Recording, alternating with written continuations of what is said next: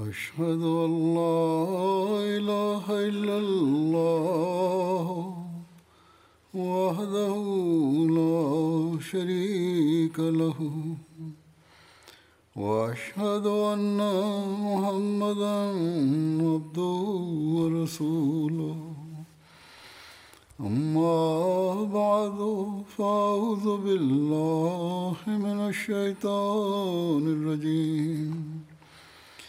بسم الله الرحمن الرحيم.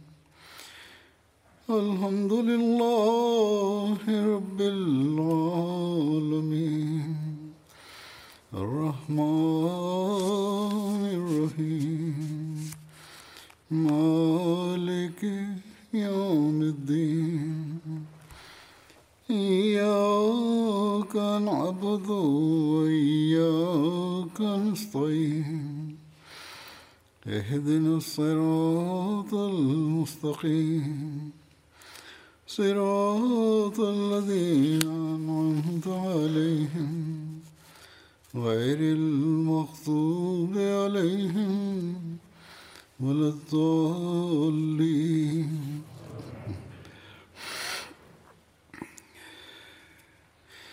ولا تقول تقولوا لمن يقتل في سبيل الله أموات. بل أحياء ولكن لا تشعرون. ولنبلونكم بشيء من الخوف والجوع. ونقص من الأموال والأنفس. والثمرات وبشر الصابرين الذين إذا أصابتهم مصيبة قالوا إنا لله وإنا إليه راجعون Dan janganlah kamu mengatakan tentang orang-orang yang terbunuh di jalan Allah itu mati. tidak, bahkan mereka hidup, tetapi kamu tidak menyadari. Dan pasti kami akan menguji kamu dengan sedikit ketakutan, kelaparan, kekurangan dalam harta, jiwa, dan buah-buahan. Dan berilah kabar gembira kepada orang-orang yang sabar, yaitu orang-orang yang apabila ditimpa suatu musibah, mereka berkata, Sesungguhnya kami kepunyaan Allah, dan sungguh kepadanya kami kembali.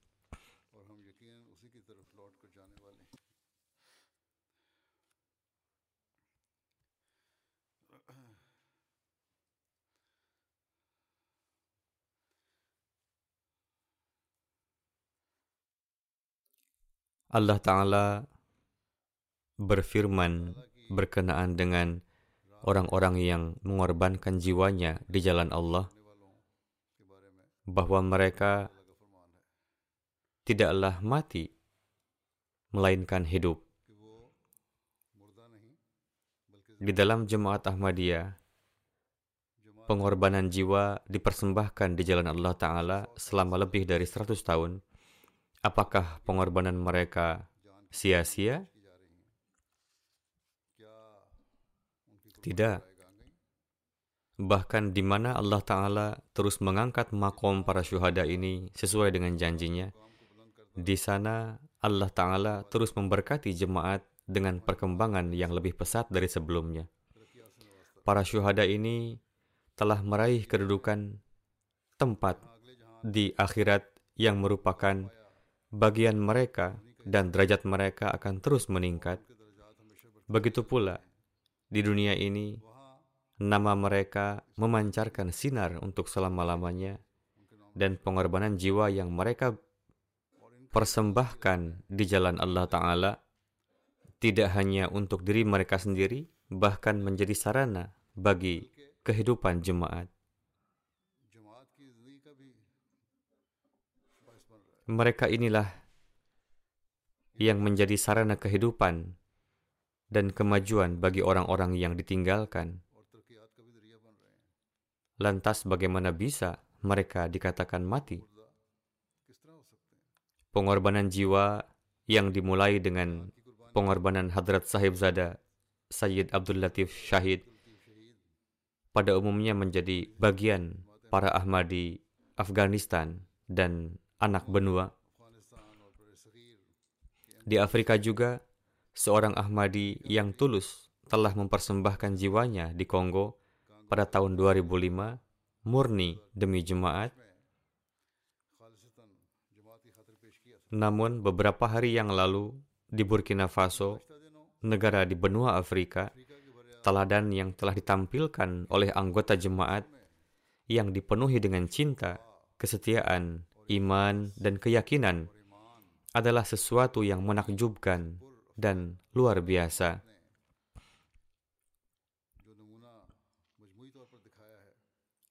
para teroris telah memberikan mereka kesempatan dengan mengatakan, "Jika kalian mengingkari kebenaran Masih Maud dan menerima bahwa Nabi Isa masih hidup di langit dan akan turun, maka nyawa kalian akan diampuni." Tetapi orang-orang yang dipenuhi dengan iman dan keyakinan, yang imannya tampak lebih kokoh dari gunung, menjawab, "Kelak nyawa akan melayang juga. Kalau tidak hari ini, mungkin esok hari. Kami tidak akan menjual keimanan kami demi untuk menyelamatkan nyawa kami. Kami tidak dapat meninggalkan kebenaran yang telah kami saksikan." Kemudian, satu demi satu, mereka mengorbankan nyawa mereka.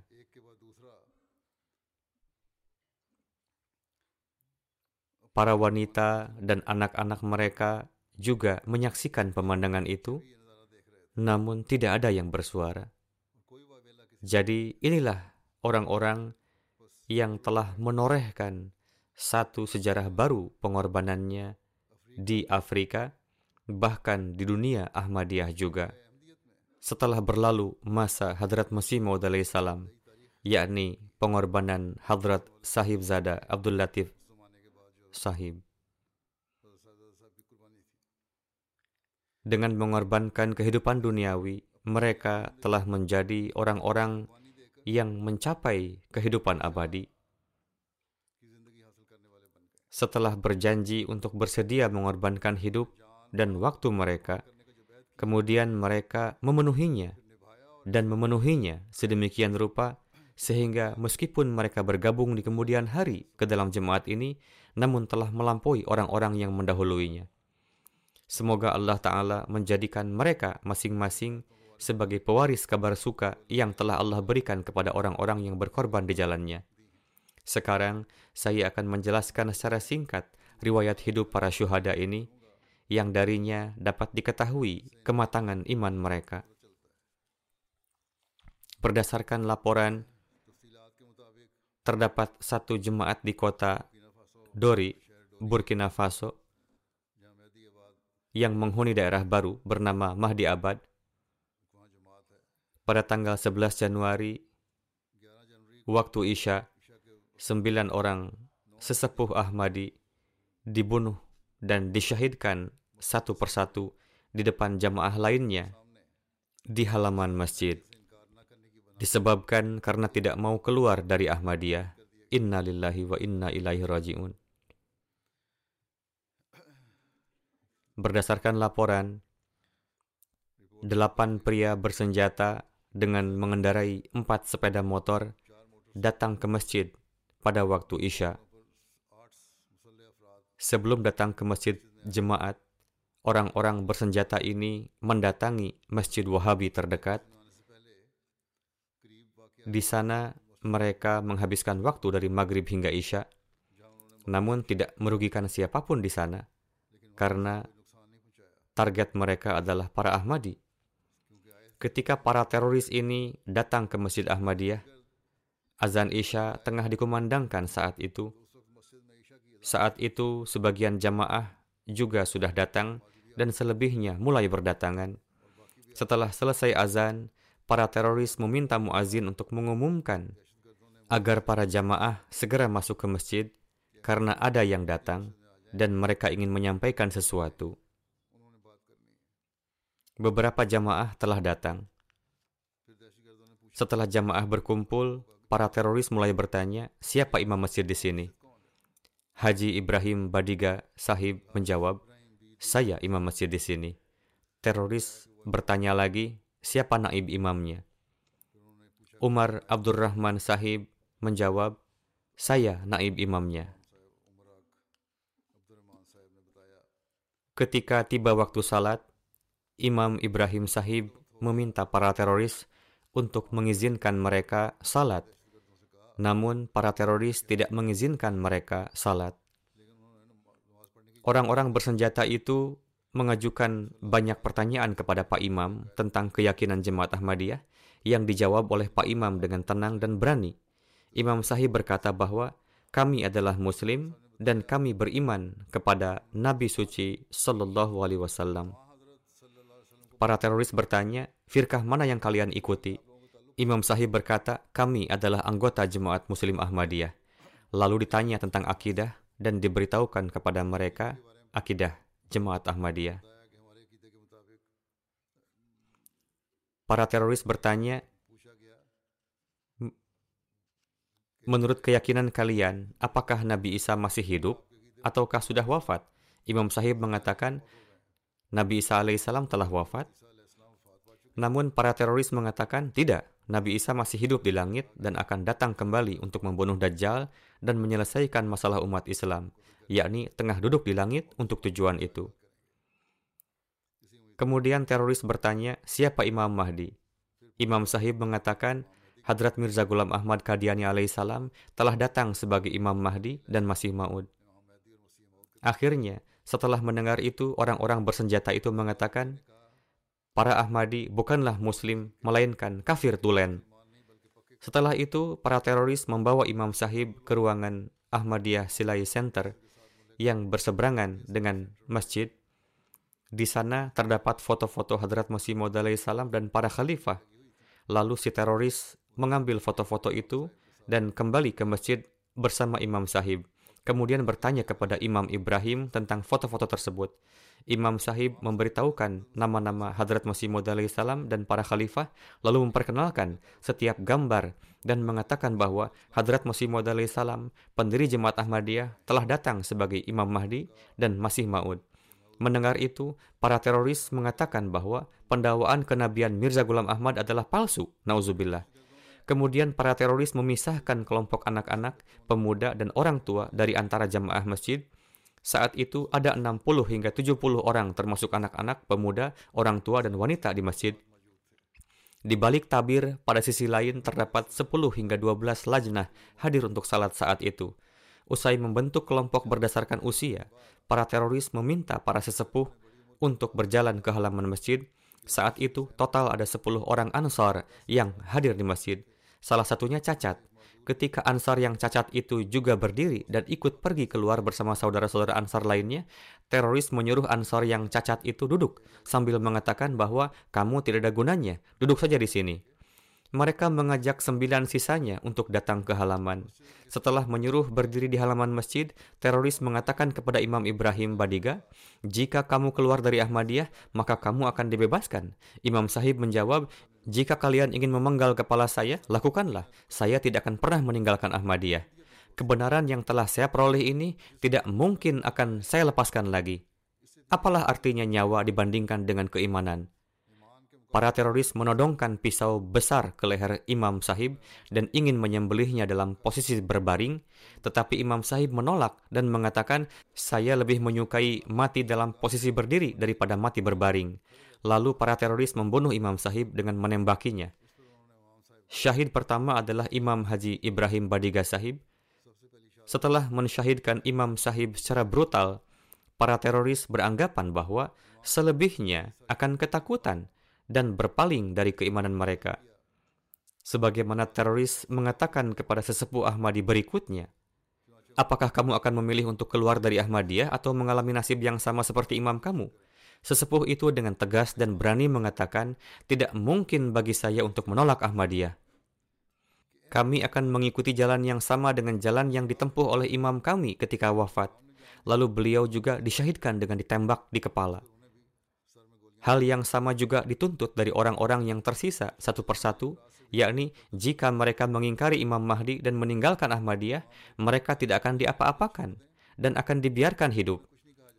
Semua sesepuh Ahmadi menunjukkan keteguhan layaknya gunung dan bersedia menerima kematian sebagai syahid dengan penuh keberanian dan keteguhan. Tak satu pun dari mereka yang menunjukkan kelemahan sedikit pun atau menolak Ahmadiyah. Satu demi satu para syuhada itu terjatuh, tetapi tidak ada satupun dari mereka yang goyah iman.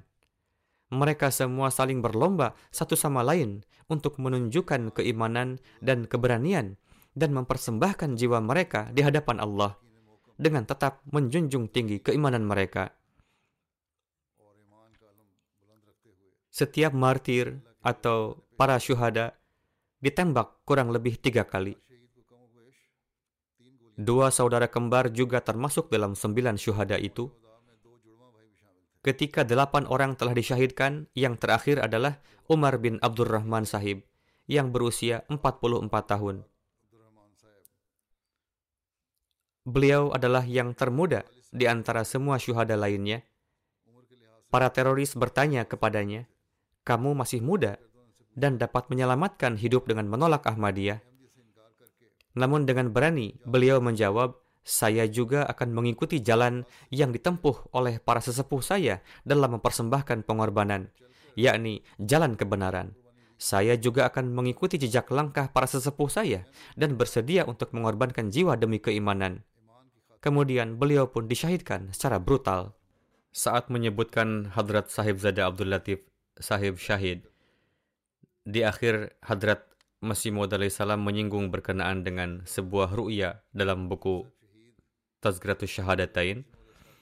Setelah itu beliau menulis bahwa Allah Ta'ala akan menciptakan banyak pengganti beliau. Dalam hal ini, beliau menyimpulkan dari ru'ya yang beliau lihat bahwa saya berharap setelah syahidnya Sahib Zada Sahib, Allah Ta'ala akan menciptakan banyak pengganti beliau. Kita menjadi saksi bahwa hari ini orang-orang Afrika secara berjamaah telah menampilkan teladan ini dan memenuhi hak sebagai penerus. Dari mulai para teroris datang ke masjid, kemudian terjadi tanya jawab, membahas secara rinci akidah jemaat, lalu meninggalkan masjid setelah melewati semua proses itu, seluruhnya berlangsung selama satu setengah jam. Selama itu, dapat kita perkirakan bagaimana rasa sakit dan penderitaan yang harus dilalui oleh anak-anak dan yang lainnya, karena para sesepuh mereka disyahidkan di hadapan mereka. Setelah keluar dari masjid, para teroris tidak langsung melarikan diri, tetapi bertahan lama di Mehdi Abad, dan orang-orang bersenjata itu juga mengancam para jamaah masjid bahwa lebih baik kalian semua meninggalkan Ahmadiyah. Kami akan datang lagi. Jika kalian tidak meninggalkan Ahmadiyah, atau jika seseorang mencoba membuka masjid lagi, kalian semua akan dihabisi. Bagaimana awal berdirinya jemaat Mahdi Abad ini dan bagaimana mengenal jemaat? Berkenaan dengan itu, beliau menulis, pada akhir tahun 98, secara resmi misi jemaat dimulai di sana. Jemaat mengalami perkembangan secara pesat. Pada tahun 99, sebuah desa bernama Taknevel, mayoritas penduduknya menjadi Ahmadi, dan berdirilah jemaat yang tulus di sana. Imam desa tersebut, Haji Ibrahim Badiga, sebelum bayat masuk jemaat, Beliau merupakan imam Wahabi terbesar di daerah itu. Beliau bayat setelah meneliti secara mendalam. Setelah bayat, beliau menjadi seorang dai yang bersemangat, mubalik pemberani, dan prajurit yang tak kenal takut. Setelah beliau bayat, beberapa sahabat beliau, sebagian ulama, berkata kepada beliau, Mengapa Anda beriman? Beliau menjawab, Ketika saya melihat emas, dan Allah juga telah memerintahkannya. Hadis Nabi Shallallahu Alaihi Wasallam juga tergenapi dan sabda-sabda pun tergenapi. Al-Quran juga memberikan kesaksian akan hal itu. Lantas, bagaimana mungkin saya mengingkarinya dan luput? Alhasil, Imam Sahib adalah seorang ulama besar. Semua orang di desa ini berasal dari suku Tamashek dan berbicara bahasa Tamashek. Jumlah penduduk Tamashek diperkirakan sekitar 200 ribu orang. Mereka ditemukan di Burkina Faso, Niger, Mali, dan Aljazair. 99% adalah Muslim. Sebagian besarnya adalah Wahabi radikal. Mayoritas orang Tamashek bukanlah Ahmadi, tetapi penduduk Tamashek yang ada di Mahdi Abad, Burkina Faso, lebih dulu bayat kepada Hadrat Akdas Musi Maud salam dan sekarang mereka telah meraih makomnya yang khas berkat pengorbanan mereka yang sangat besar. Pada tahun 2004, banyak ditemukan kandungan emas di daerah ini, sehingga perusahaan tambang membangun rumah di tempat baru di dekat penduduk desa ini dan meminta mereka pindah ke sana. Sebagian besar migrannya adalah para Ahmadi. Beberapa keluarga di antaranya adalah non-Ahmadi. Sebuah desa baru yang mayoritas penduduknya adalah para Ahmadi. Ibrahim Sahib menyarankan agar tidak digunakan lagi nama lama desa ini Kemudian beliau menulis kepada saya, yakni Huzur, untuk memberi nama desa ini, dan kemudian diberi nama Mehdi Abad. Pada tahun 2008, desa modern juga dibangun di sini, di bawah pengaturan lembaga jemaat IEEE. Fasilitas air dan listrik telah disediakan. Itu adalah proyek desa model pertama di Burkina Faso dan di seluruh dunia. Di bawah pengaturan tersebut telah diberikan fasilitas listrik, air, sekolah, menjahit, dan lain-lain di desa-desa. Berkenaan dengan pemakaman mereka, tertulis laporan sebagai berikut bahwa para teroris telah menghabiskan satu setengah jam di masjid dan menciptakan suasana mencekam sehingga tubuh para syuhada tetap berada di tempat mereka disyahidkan sepanjang malam karena ada kekhawatiran bahwa teroris belum meninggalkan desa. Dan jika ada yang memindahkan mayat, jangan sampai akan dibunuh juga.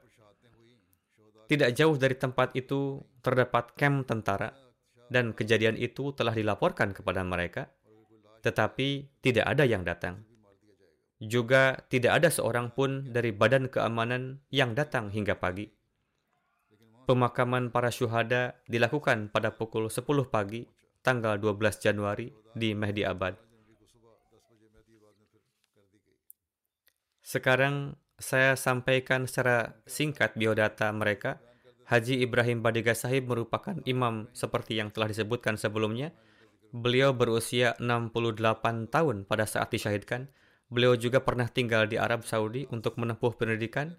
Beliau sangat mahir bahasa Tamashek dan beliau juga menulis tafsir Al-Quran dalam bahasa itu. Beliau bayat pada tahun 99. Sebelum menerima Ahmadiyah, Imam Ibrahim Badiga merupakan ketua para imam di banyak desa. Para ulama lainnya di daerah itu menganggap sebagai suatu kehormatan untuk dapat datang dan duduk dan mendapatkan ilmu dari beliau. Jadi setidaknya setahun sekali para ulama, guru, dan imam dari seluruh wilayah biasa datang untuk tinggal bersama beliau dan memperoleh wawasan ilmu dari beliau. Jumlah yang hadir bahkan hingga 500 orang dan tinggal selama seminggu. Bisa dikatakan bahwa pertemuan tahunan para ulama dan imam daerah biasa diadakan di tempat beliau. Murid-murid beliau mengatakan bahwa bahkan pada masa itu, Imam Sahib sering mengatakan bahwa kebenaran masih belum muncul karena sedikit orang yang percaya pada kebenaran, sama seperti ratusan imam datang dan duduk di dekat saya dan tampaknya menganggap satu sama lain sebagai muslim. Tetapi ketika kebenaran zahir nanti dan orang yang beriman sedikit, maka orang yang beriman akan sedikit. Pada saat itu, orang-orang ini juga akan pergi meninggalkan saya.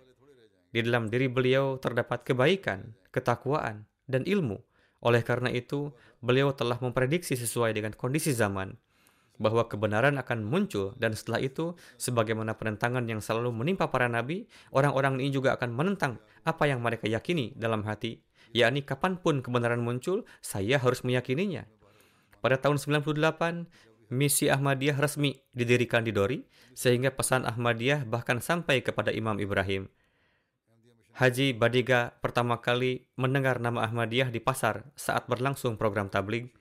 Ketika beliau mengetahui bahwa para Ahmadi meyakini bahwa Nabi Isa telah wafat dan mengabarkan bahwa Al-Masih dan Imam Mahdi telah datang, maka Ibrahim Badega Sahib datang ke rumah misi Dori dengan mengajak delegasi berjumlah tujuh orang untuk mencari kebenaran. Setelah melakukan penelitian mendalam, beliau menerima Ahmadiyah. Beliau mendapat kehormatan menjadi Ahmadi pertama di daerahnya. Para penentang melontarkan tuduhan dengan mengatakan bahwa kita membayatkan orang-orang miskin dengan cara mengiming-iminginya karena mereka tidak tahu apa-apa tentang agama. Namun, para syuhada ini telah membungkam mulut orang-orang yang menuduh seperti itu. Mereka telah bayat setelah memahami kebenaran kemudian memberikan teladan pengorbanan tertinggi. Namun, lebih lanjut tertulis mengenai Ibrahim Sahib, seperti telah disebutkan bahwa beliau adalah seorang prajurit jemaat yang tak kenal takut. Beliau adalah seorang da'i ilallah yang tak kenal takut dan Ahmadi sejati dalam makna hakiki. Melalui dakwah dan upaya beliau, pesan Ahmadiyah menyebar ke seluruh wilayah. Banyak jemaat yang dibentuk. Beliau secara aktif berpartisipasi dalam berbagai program jemaat Sebelum menerima Ahmadiyah, beliau berkeyakinan bahwa semua sekte selain Wahabi adalah kafir. Menonton TV, bermain sepak bola, sekolah, membuat gambar, semua itu diharamkan menurut beliau. Sebagaimana keyakinan Wahabi, tetapi ketika beliau menerima Ahmadiyah, kemudian beliau meninggalkan anggapan tak berdasar seperti itu dan beliau pun menjelaskan hakikat yang sebenarnya kepada orang-orang. Pada tahun 2000, beliau mendapatkan taufik untuk hadir pada Jalsah UK pada masa Hadrat Khalifatul Masih yang keempat. Beliau sangat tergila-gila dengan tabligh. Sebelum menerima Ahmadiyah, beliau adalah seorang sosok yang berpengaruh dan mengetuai para imam di banyak desa seperti yang telah disebutkan.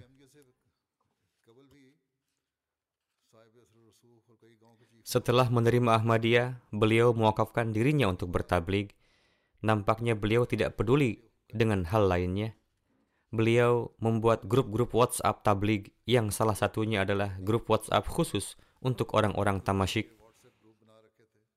Dalam grup tersebut tergabung orang-orang dari Mali, Niger, Ghana, Saudi Arabia, Libya, Tunisia, Pantai Gading, dan negara-negara lainnya. Beliau bertablik kepada mereka secara terus-menerus. Siang malam beliau merekam pesan-pesan suara lalu mengirimkannya. Siang malam beliau sibuk dalam pekerjaan tersebut. Para penentang pun mengirimkan pesan berisi caci makian kepada beliau sebagai jawaban. Terjadi penentangan juga di grup-grup tersebut. Mereka juga melontarkan ancaman pembunuhan, namun beliau tidak pernah berbicara dengan marah kepada siapa pun. Bahkan beliau mengatakan kepada orang-orang yang memberikan ancaman bahwa saya akan berikan Anda ongkos, datanglah dan bunuhlah saya. Beliau biasa mengatakan bahwa para mubaligin dan muallimin juga harus bertablik. Jangan beralasan bahwa situasi sedang buruk, oleh karena itu kami tidak bisa pergi bertablik. Beliau mengatakan ketika situasi sedang buruk, bertabliglah melalui media dan jika ada yang tidak mempunyai uang untuk mengisi paket internet di HP, mintalah kepada saya buatlah grup media sosial, dan sambil duduk di rumah, ambillah bagian dalam jihad pertabligan. Beliau adalah seorang yang tergila-gila dengan tablig. Beliau sangat hobi bertablig. Nasir Sidhu Sahib, mubalik di sana menuturkan, saya datang ke Burkina Faso pada tahun 97. Hadrat Khalifatul Masih Ar-Rabi rahimahullah menugaskan saya untuk melakukan dakwat ilallah. Beliau menuturkan, saya tidak memahami bahasa setempat, oleh karena itu, saya menghabiskan waktu tiga bulan untuk membuat perencanaan. Setelah itu, saya melakukan kunjungan ke perkampungan-perkampungan. Saya juga berkunjung ke kampung Imam Sahib. Ketika sampai kepada mereka kabar mengenai kewafatan Nabi Isa alaihissalam dan kedatangan Al-Masih dan Imam Mahdi, Ibrahim Badega Sahib bersama dengan tujuh orang lainnya datang ke rumah misi kita di Dori. Berlangsung tanya jawab di sana. Mereka tinggal selama tiga hari bersama saya. Selama tiga hari tersebut mereka tidak tidur, tidak juga membiarkan saya tidur. Setiap hari, mulai dari pagi hingga sore, berlangsung diskusi. Minggu selanjutnya, mereka datang kembali dan membawa imam mereka yang baru, dan rangkaian penelitian ini berlangsung hingga tiga bulan. Mereka telah mendapatkan jawaban untuk sebagian besar pertanyaan mereka, namun mereka tidak pernah mengungkapkan pemikiran untuk masuk ke dalam Ahmadiyah. Pak Mubalik menuturkan, lalu saya menulis surat permohonan doa kepada Hadrat Khalifatul Masih yang keempat, rahimahullah, Suatu hari, Imam Sahib datang dan telah mengisi formulir bayat. Saya mengatakan kepada beliau, mana yang lainnya yang biasa datang? Kapan mereka akan bayat? Beliau mengatakan, mereka semua akan bayat. Namun saya ingin menjadi yang pertama masuk ke dalam Ahmadiyah. Oleh karena itu saya datang. Beliau juga memiliki jalanan kesetiaan yang luar biasa dengan khilafat. Amir Jemaat Burkina Faso menulis, Sekitar 40 kampung berada di bawah pengaruh beliau. Beliau melaksanakan haji, menetap, dan menuntut ilmu di sana. Beliau memahami dan berbicara bahasa Arab dengan sangat baik dan banyak melakukan pertabligan di seluruh daerah tersebut. Beliau pergi ke kampung-kampung dengan bersepeda dan dengan karunia Allah Ta'ala, beliau menyinari banyak orang di daerah ini dengan Nur Ahmadiyah. Ulama-ulama besar di daerah tersebut masuk Ahmadiyah dengan perantaraan beliau, dan sebagian besar jemaat di daerah tersebut berdiri berkat upaya pertabligan yang beliau lakukan. Setiap kali kami pulang dari London, beliau selalu menanyakan bagaimana kabar khalifah. Beliau menzahirkan kecintaan yang besar. Salah satu contoh kecintaan tersebut adalah ketika berlangsung kelas saya, yakni huzur, dengan anak-anak, Meskipun beliau sama sekali tidak memahami bahasa Urdu, beliau menyaksikannya dengan seksama seperti beliau memahaminya dan mengatakan bahwa duduk di sini dan menyaksikan majelis ini bagi saya menjadi sarana untuk meningkatkan keimanan. Beliau seorang yang ramah kepada tamu dan sosok yang pendiam. Namun ketika harus berbicara demi jemaat, maka beliau akan berbicara dengan penuh semangat. Beliau seorang mubalik yang sempurna. Beliau banyak melakukan diskusi dan tanya jawab dengan para non-Ahmadi, baik secara pribadi maupun kelompok. Kemudian seorang mubalik lain di sana yang bernama Muhibullah Sahib menuturkan, saya mengenal para sesepuh tersebut secara pribadi karena saya sering pergi ke sana. Mereka adalah orang-orang yang sangat mencintai khilafat ramah terhadap tamu, dan setia.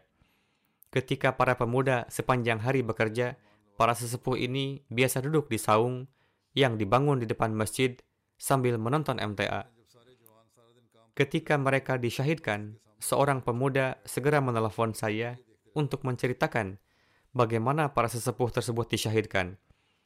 Dikatakan kepada mereka, jika Anda mundur dari Ahmadiyah, kami akan melepaskan Anda. Namun, mereka memilih untuk disyahidkan. Pemuda tersebut menceritakan demikian. Pemuda tersebut mengatakan, ini hanyalah sembilan ansor. Jika sekalipun mereka mensyahidkan kami semua, khudam, lajnah, dan lain-lain, kami tetap tidak akan meninggalkan Ahmadiyah. Insya Allah. Inilah ruh yang para sesepuh itu telah ciptakan di dalam diri orang-orang yang mukhlis dalam jemaat ini. Ketika ada tarbiat dari para sesepuh, maka gairat dan keimanan akan tercipta dalam diri para pemuda-pemudi kita. Mubalik lokal Maiga Tijan Sahib menuturkan, Imam Ibrahim Sahib sering diancam akan dibunuh. Beberapa hari sebelum kesyahidan, beliau menceritakan kepada saya, ancaman-ancaman pembunuhan dilancarkan kepada saya. Orang-orang ini akan membunuh saya. Berkenaan dengan keindahan akhlak beliau, Pak Mubalik menuturkan, beliau memperlakukan keluarga dan kerabat beliau dengan sangat baik. Bersimpati kepada semua orang merupakan kebiasaan beliau. Berkorban untuk orang lain dan memperlihatkan semangat pengorbanan adalah di antara sifat-sifat beliau yang menonjol. Beliau sosok yang sangat dihormati di daerah tersebut. Orang-orang sangat menghormati beliau. Apabila Ibrahim Sahib membuat suatu keputusan atau mengatakan sesuatu, maka orang-orang akan menghormatinya dan mematuhinya. Jumlah murid-murid beliau sangat banyak. Sebagian di antaranya bekerja sebagai imam dan mu'alim di negara-negara tetangga. Banyak juga yang bekerja sebagai mu'alim dan mubalik lokal di Burkina Faso. Kemudian Pak Mubalik menuturkan, beliau adalah sosok teladan bagi yang lain dalam kebaikan, ketakwaan, dan berlomba-lomba dalam kebaikan. Kapan pun beliau menghimbau para anggota jemaat berkenaan dengan sesuatu hal, beliau sendiri yang pertama ambil bagian di dalamnya. Jika ada suatu himbauan berkenaan dengan pengorbanan harta, maka beliau menjadi yang pertama ikut serta. Beliau tidak pernah tertinggal dalam program-program jemaat, jalsah-jalsah, istima-istima, dan kegiatan lainnya. Beliau biasa melaksanakan salat lima waktu di masjid. Beliau dawam melaksanakan salat tahajud. Jika beliau tidak hadir dalam suatu kegiatan jemaat, artinya beliau sedang sakit atau melakukan perjalanan. Beliau tidak pernah memperdulikan biaya untuk ikut serta dalam pekerjaan-pekerjaan jemaat. Beliau memiliki dua istri yang darinya Allah Ta'ala menganugerahkan 12 anak. Khalid Mahmud Sahib, seorang mubalik, menulis bahwa para syuhada ini penuh dengan ketulusan dan kesetiaan.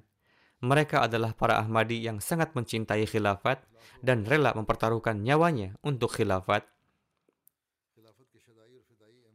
Ketika saya melakukan lawatan ke Ghana pada tahun 2008 dalam rangka Jubli Khilafat dan menghadiri jalsah di sana, ribuan Ahmadi dari Burkina Faso, Mali, dan lain-lain juga datang untuk menjumpai saya. Pada kesempatan tersebut, jemaat Ghana melakukan pengaturan konsumsi dan akomodasi dengan baik. Namun, meskipun demikian, beberapa anggota yang datang dari Dori, termasuk para syuhada, terlambat mendapatkan makanan atau tidak mendapatkan makanan. Lalu, setelah sedikit larut malam, dipesankan makanan dari pasar dan diberikan. Atas hal itu, saya mengatakan kepada Pak Mubalik tersebut dalam kesempatan mulakat bahwa sampaikanlah permohonan maaf saya kepada mereka dan tenangkanlah mereka. Mereka bersama dengan orang-orang lainnya serentak berkata bahwa kami datang ke sini untuk berjumpa dan bertemu dengan khalifah. Ketika telah melihat dan bertemu, maka rasa lelah dan lapar kami hilang. Tidak ada keluhan apa pun. Bahkan kami duduk bersama dan saling menceritakan mulakat ini satu sama lain dan menikmatinya. Bagaimanapun, ketika itu saya merasa khawatir bahwa mereka telah datang dengan menempuh perjalanan yang jauh banyak yang datang menggunakan sepeda dan tidak tersedia pengaturan untuk mereka, pengaturan segera dilakukan. Namun di sisi lain, keikhlasan dan kesetiaan mereka sedemikian rupa sehingga membuat saya takjub.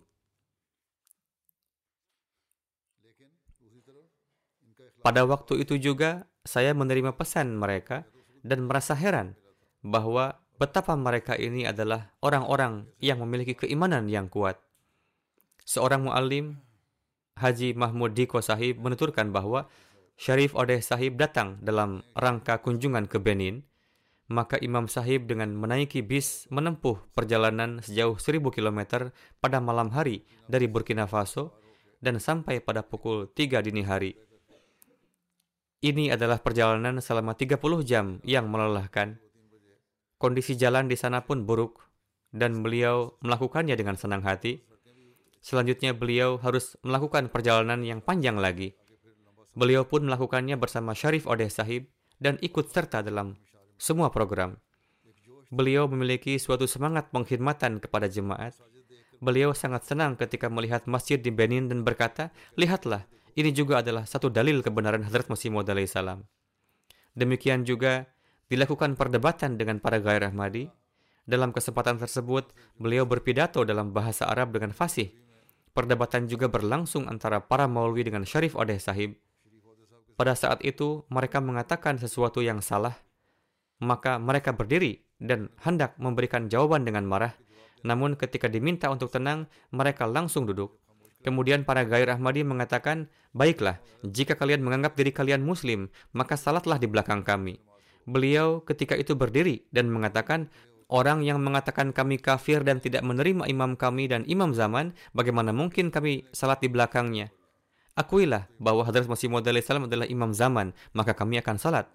Seorang sabik mu'alim lokal Benin menuturkan, beliau adalah suatu gambaran hidup dari kecintaan kepada khalifah. Beliau menuturkan bahwa ketika saya mendapatkan pesan Ahmadiyah yang disampaikan oleh mubalik Pakistani, sejak hari itu juga saya telah menjadi Ahmadi saya mempelajari bahwa kesejahteraan dunia hanya bergantung pada nizam khilafat dan inilah jalan yang sebenarnya dan saya akan berpegang teguh padanya hingga nafas terakhir. Mu'alim sahib menuturkan bahwa beliau betul-betul mengamalkan apa yang telah beliau katakan tersebut. Kemudian seorang mu'alim lokal Benin, Isa sahib, menuturkan, saya memiliki hubungan yang telah berlangsung sejak lama dengan beliau. Beliau adalah seorang Ahmadi yang tidak pernah berselisih dengan siapa pun, Beliau seorang Ahmadi hakiki yang terdepan dalam setiap amalan, baik dalam hal tabligh, canda, maupun dalam segala hal. Inilah sebabnya mengapa dikarenakan beliau, delapan ansor lainnya seraya mengucapkan baik di belakang beliau, rela mengorbankan nyawa mereka di hadapan Allah Ta'ala. Prinsipal Burkina Faso Sahib menulis, seseorang melihat sebuah mimpi, Atas hal itu, Hadrat Khalifatul Masih Ar-Rabi rahimahullah menulis surat kepada beliau bahwa ini adalah mimpi yang berberkat dan maknanya adalah tanah negeri ini subur untuk menerima kebenaran dan setelah kunjungan saya, insya Allah mereka akan menerima kebenaran dan diterangi dengan nur. Semoga Allah Ta'ala mewujudkan hal ini.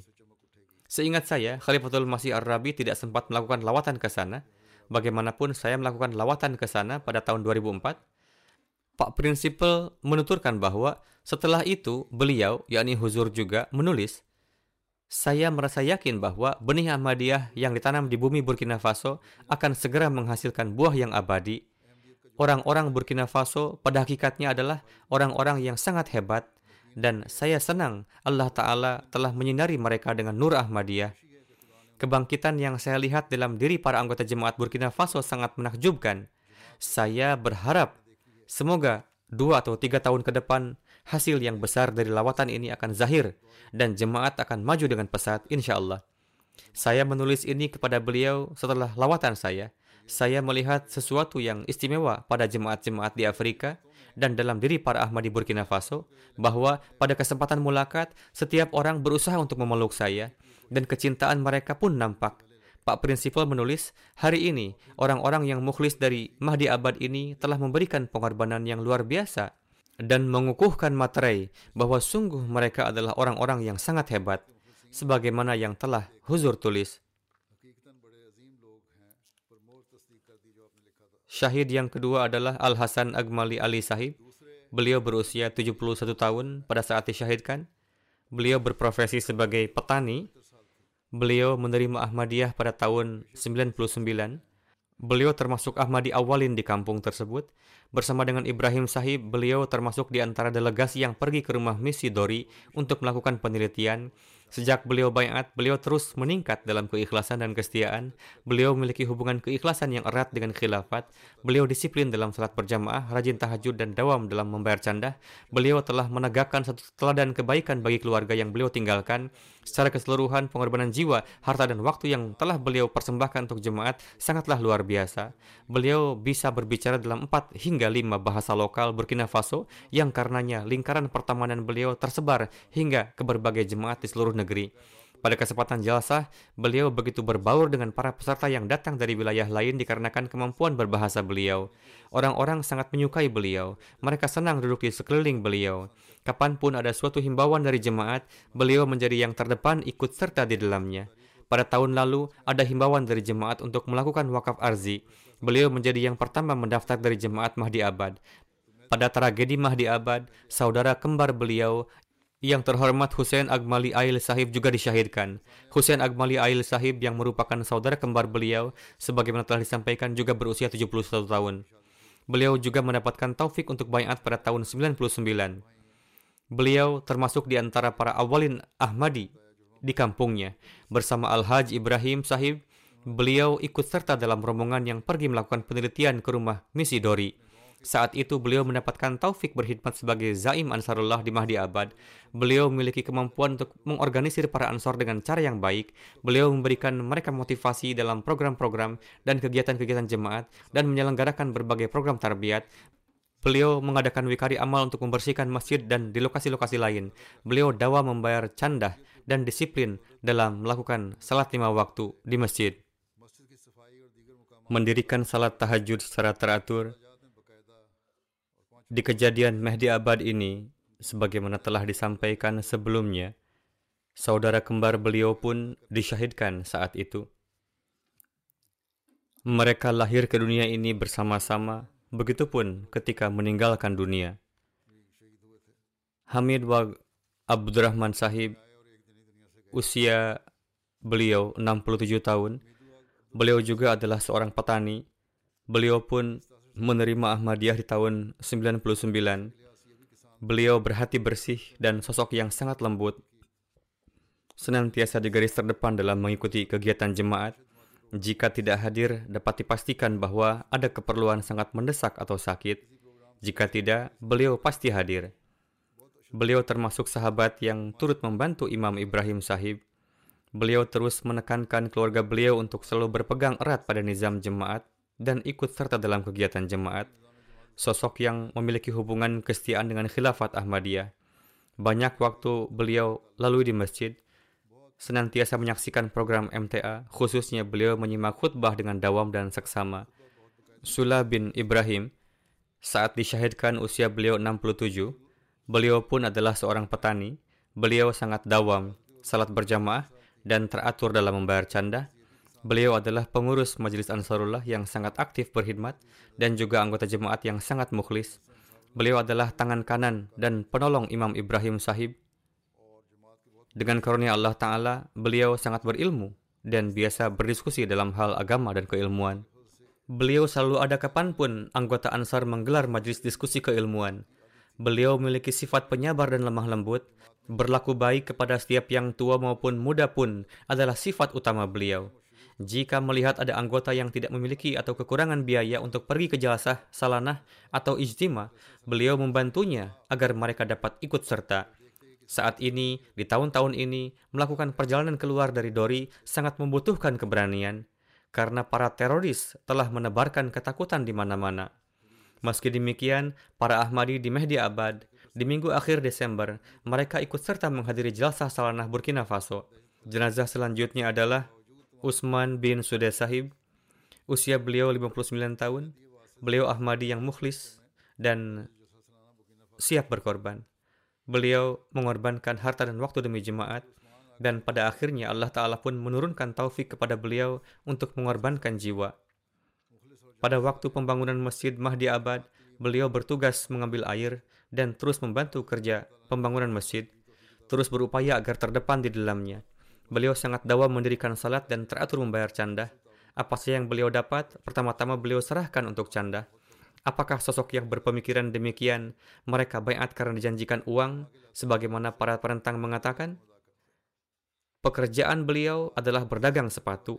Jika ada yang tidak mampu atau tidak cukup uang membelinya, beliau tetap tidak membiarkannya berlalu dengan tangan kosong.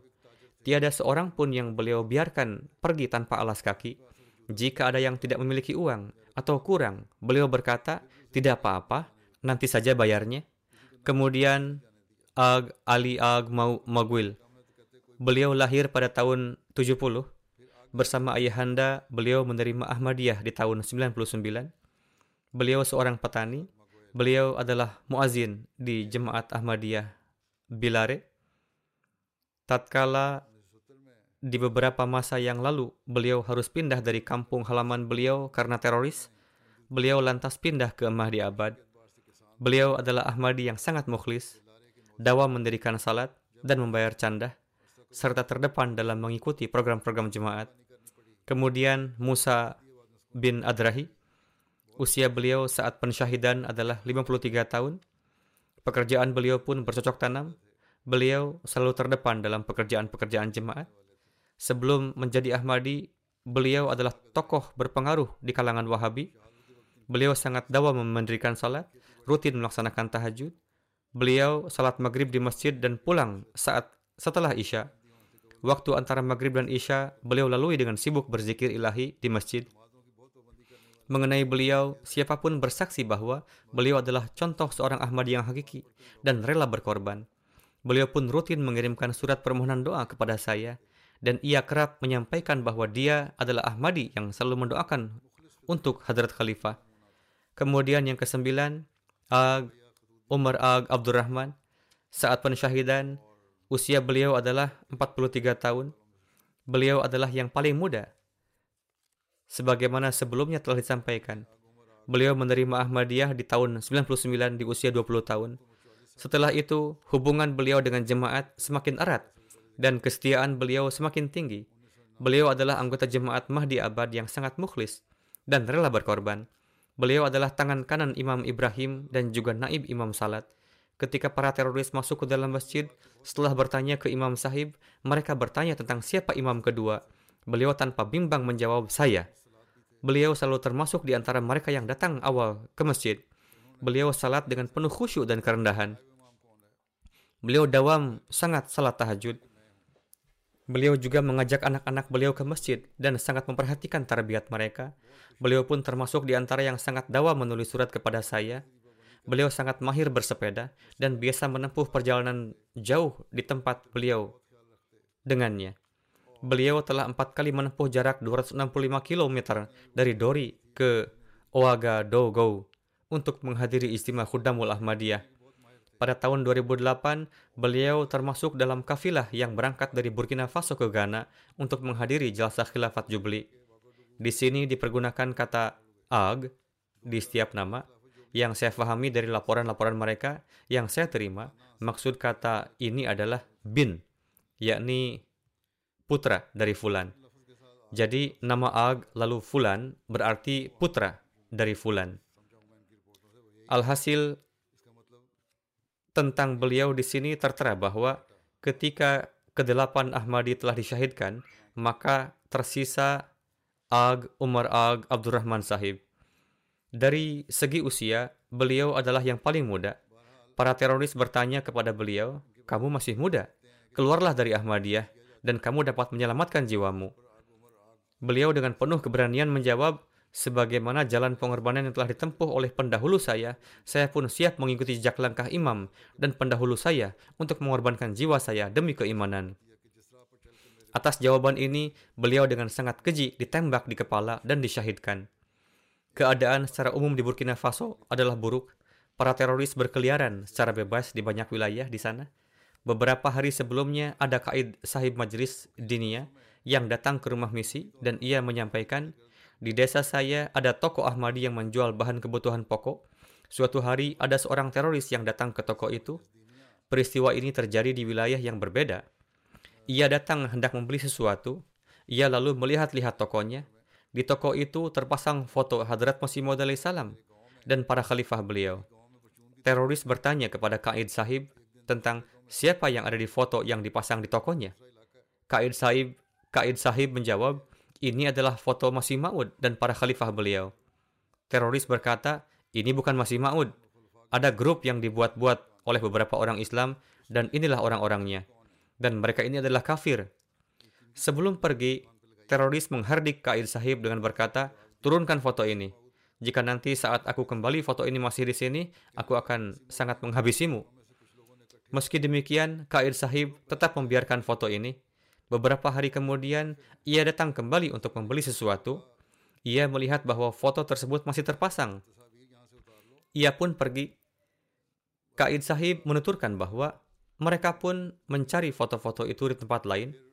Alih-alih takut, Kaid Sahib justru berkata, di tempat mana lagi saya perlu memasang foto-foto ini? Wilayah ini seluruhnya sudah sekian lama berada di bawah kontrol mereka, dan pemerintah tidak memiliki kekuasaan di sana. Wilayah ini berbatasan langsung dengan Mali, sementara wilayah Dori berbatasan langsung dengan Niger. Jadi, kurang lebih semua wilayah ini adalah di bawah penaklukan mereka. Alhasil, mereka semua adalah bintang-bintang Ahmadiyah yang bersinar terang. Mereka telah berlalu meninggalkan contoh mulia. Semoga Allah Ta'ala pun meningkatkan derajat keikhlasan dan kesetiaan kepada segenap anak keturunan mereka. Para musuh menganggap bahwa Ahmadiyah akan sirna dengan pensyahidan mereka. Tetapi insya Allah, Ahmadiyah akan semakin maju dan subur di sini. Para pengurus di sana dan juga Amir Sahib hendaknya menyusun rencana tablik dengan hikmat dan seksama. Bahkan mereka hendaknya juga membantu memberi ketenangan untuk mereka. Semoga Allah Ta'ala senantiasa memberi mereka semangat dan kesabaran. Semoga keluarga yang ditinggal pun diberi taufik untuk memahami ketinggian pengorbanan jiwa yang telah diberikan oleh para pendahulu mereka itu. Alhasil, kita di sana hendaknya harus bergerak dengan hikmah dan rencana yang seksama. Tentang ini pun telah saya sampaikan kepada mereka untuk hijrah meninggalkan tempat itu. Untuk memenuhi penghidupan para keluarga syuhada dan menjadikan mereka kembali berdikari. Khilafah keempat telah mencanangkan sebuah dana yaitu Sayyidina Bilal Fan yang salah satu tujuannya untuk keluarga para syuhada. Setelah peristiwa ini, ada beberapa orang juga yang secara pribadi serta badan dan jemaat yang mengirimkan dana untuk memenuhi kebutuhan mereka.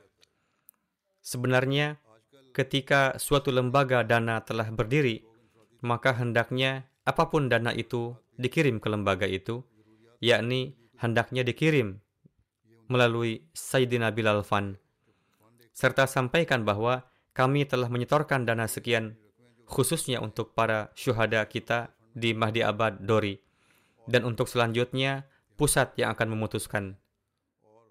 Di markaz, seandainya dana masuk ataupun tidak, pasti harus dan akan memenuhi kebutuhan-kebutuhan mereka, insya Allah. Jadi, Siapa saja yang ingin memberikan, hendaknya mereka mengumpulkan dana mereka di Sayyidina Bilal Fan. Sesungguhnya, ini bukanlah ihsan kita untuk keluarga para syuhada, tetapi merupakan kewajiban kita untuk memperhatikan dan memenuhi kebutuhan-kebutuhan mereka.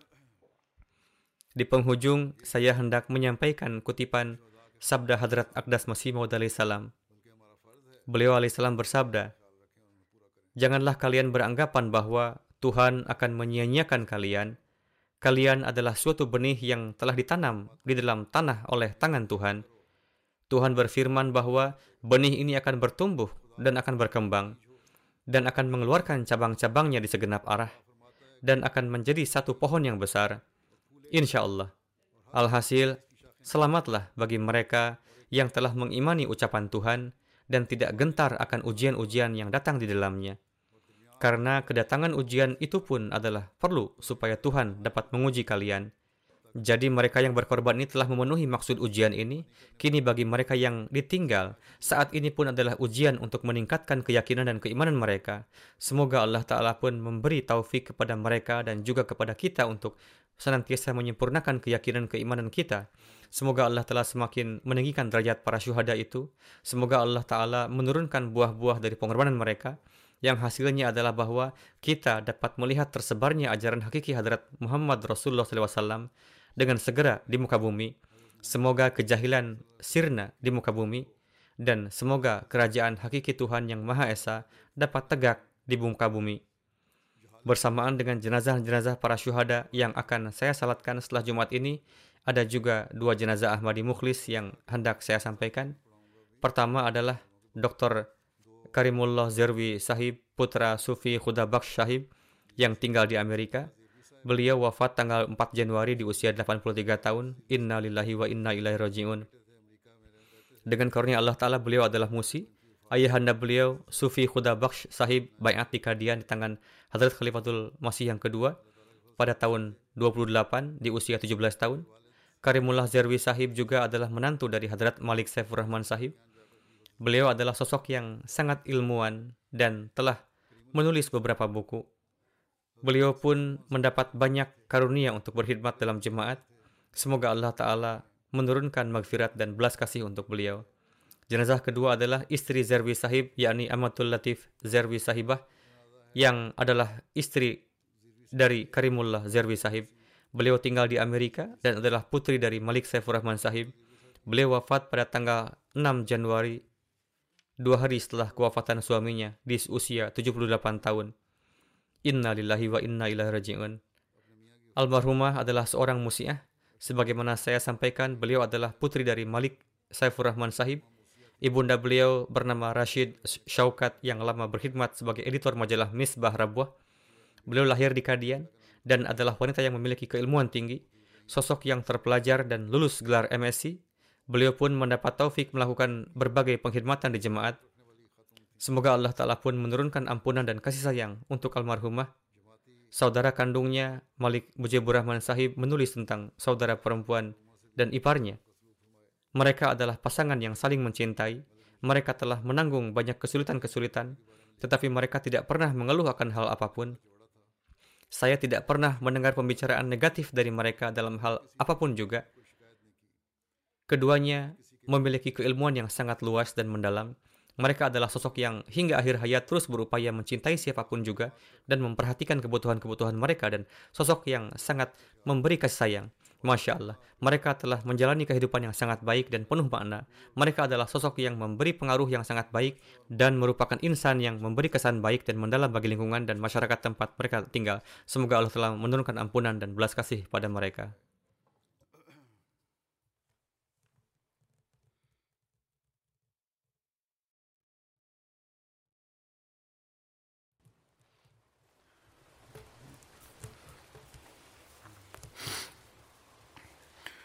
الحمد لله الحمد لله نحمده ونستعينه ونستغفره ونؤمن به ونتوكل عليه. ونعوذ بالله من شرور أنفسنا ومن سيئات أعمالنا. من يهده الله فلا مضل له ومن يضلل فلا هادي له. ونشهد أن لا إله إلا الله. ونشهد أن محمدا عبده ورسوله. عباد الله رحمكم الله. إن الله يأمر بالعدل والإحسان.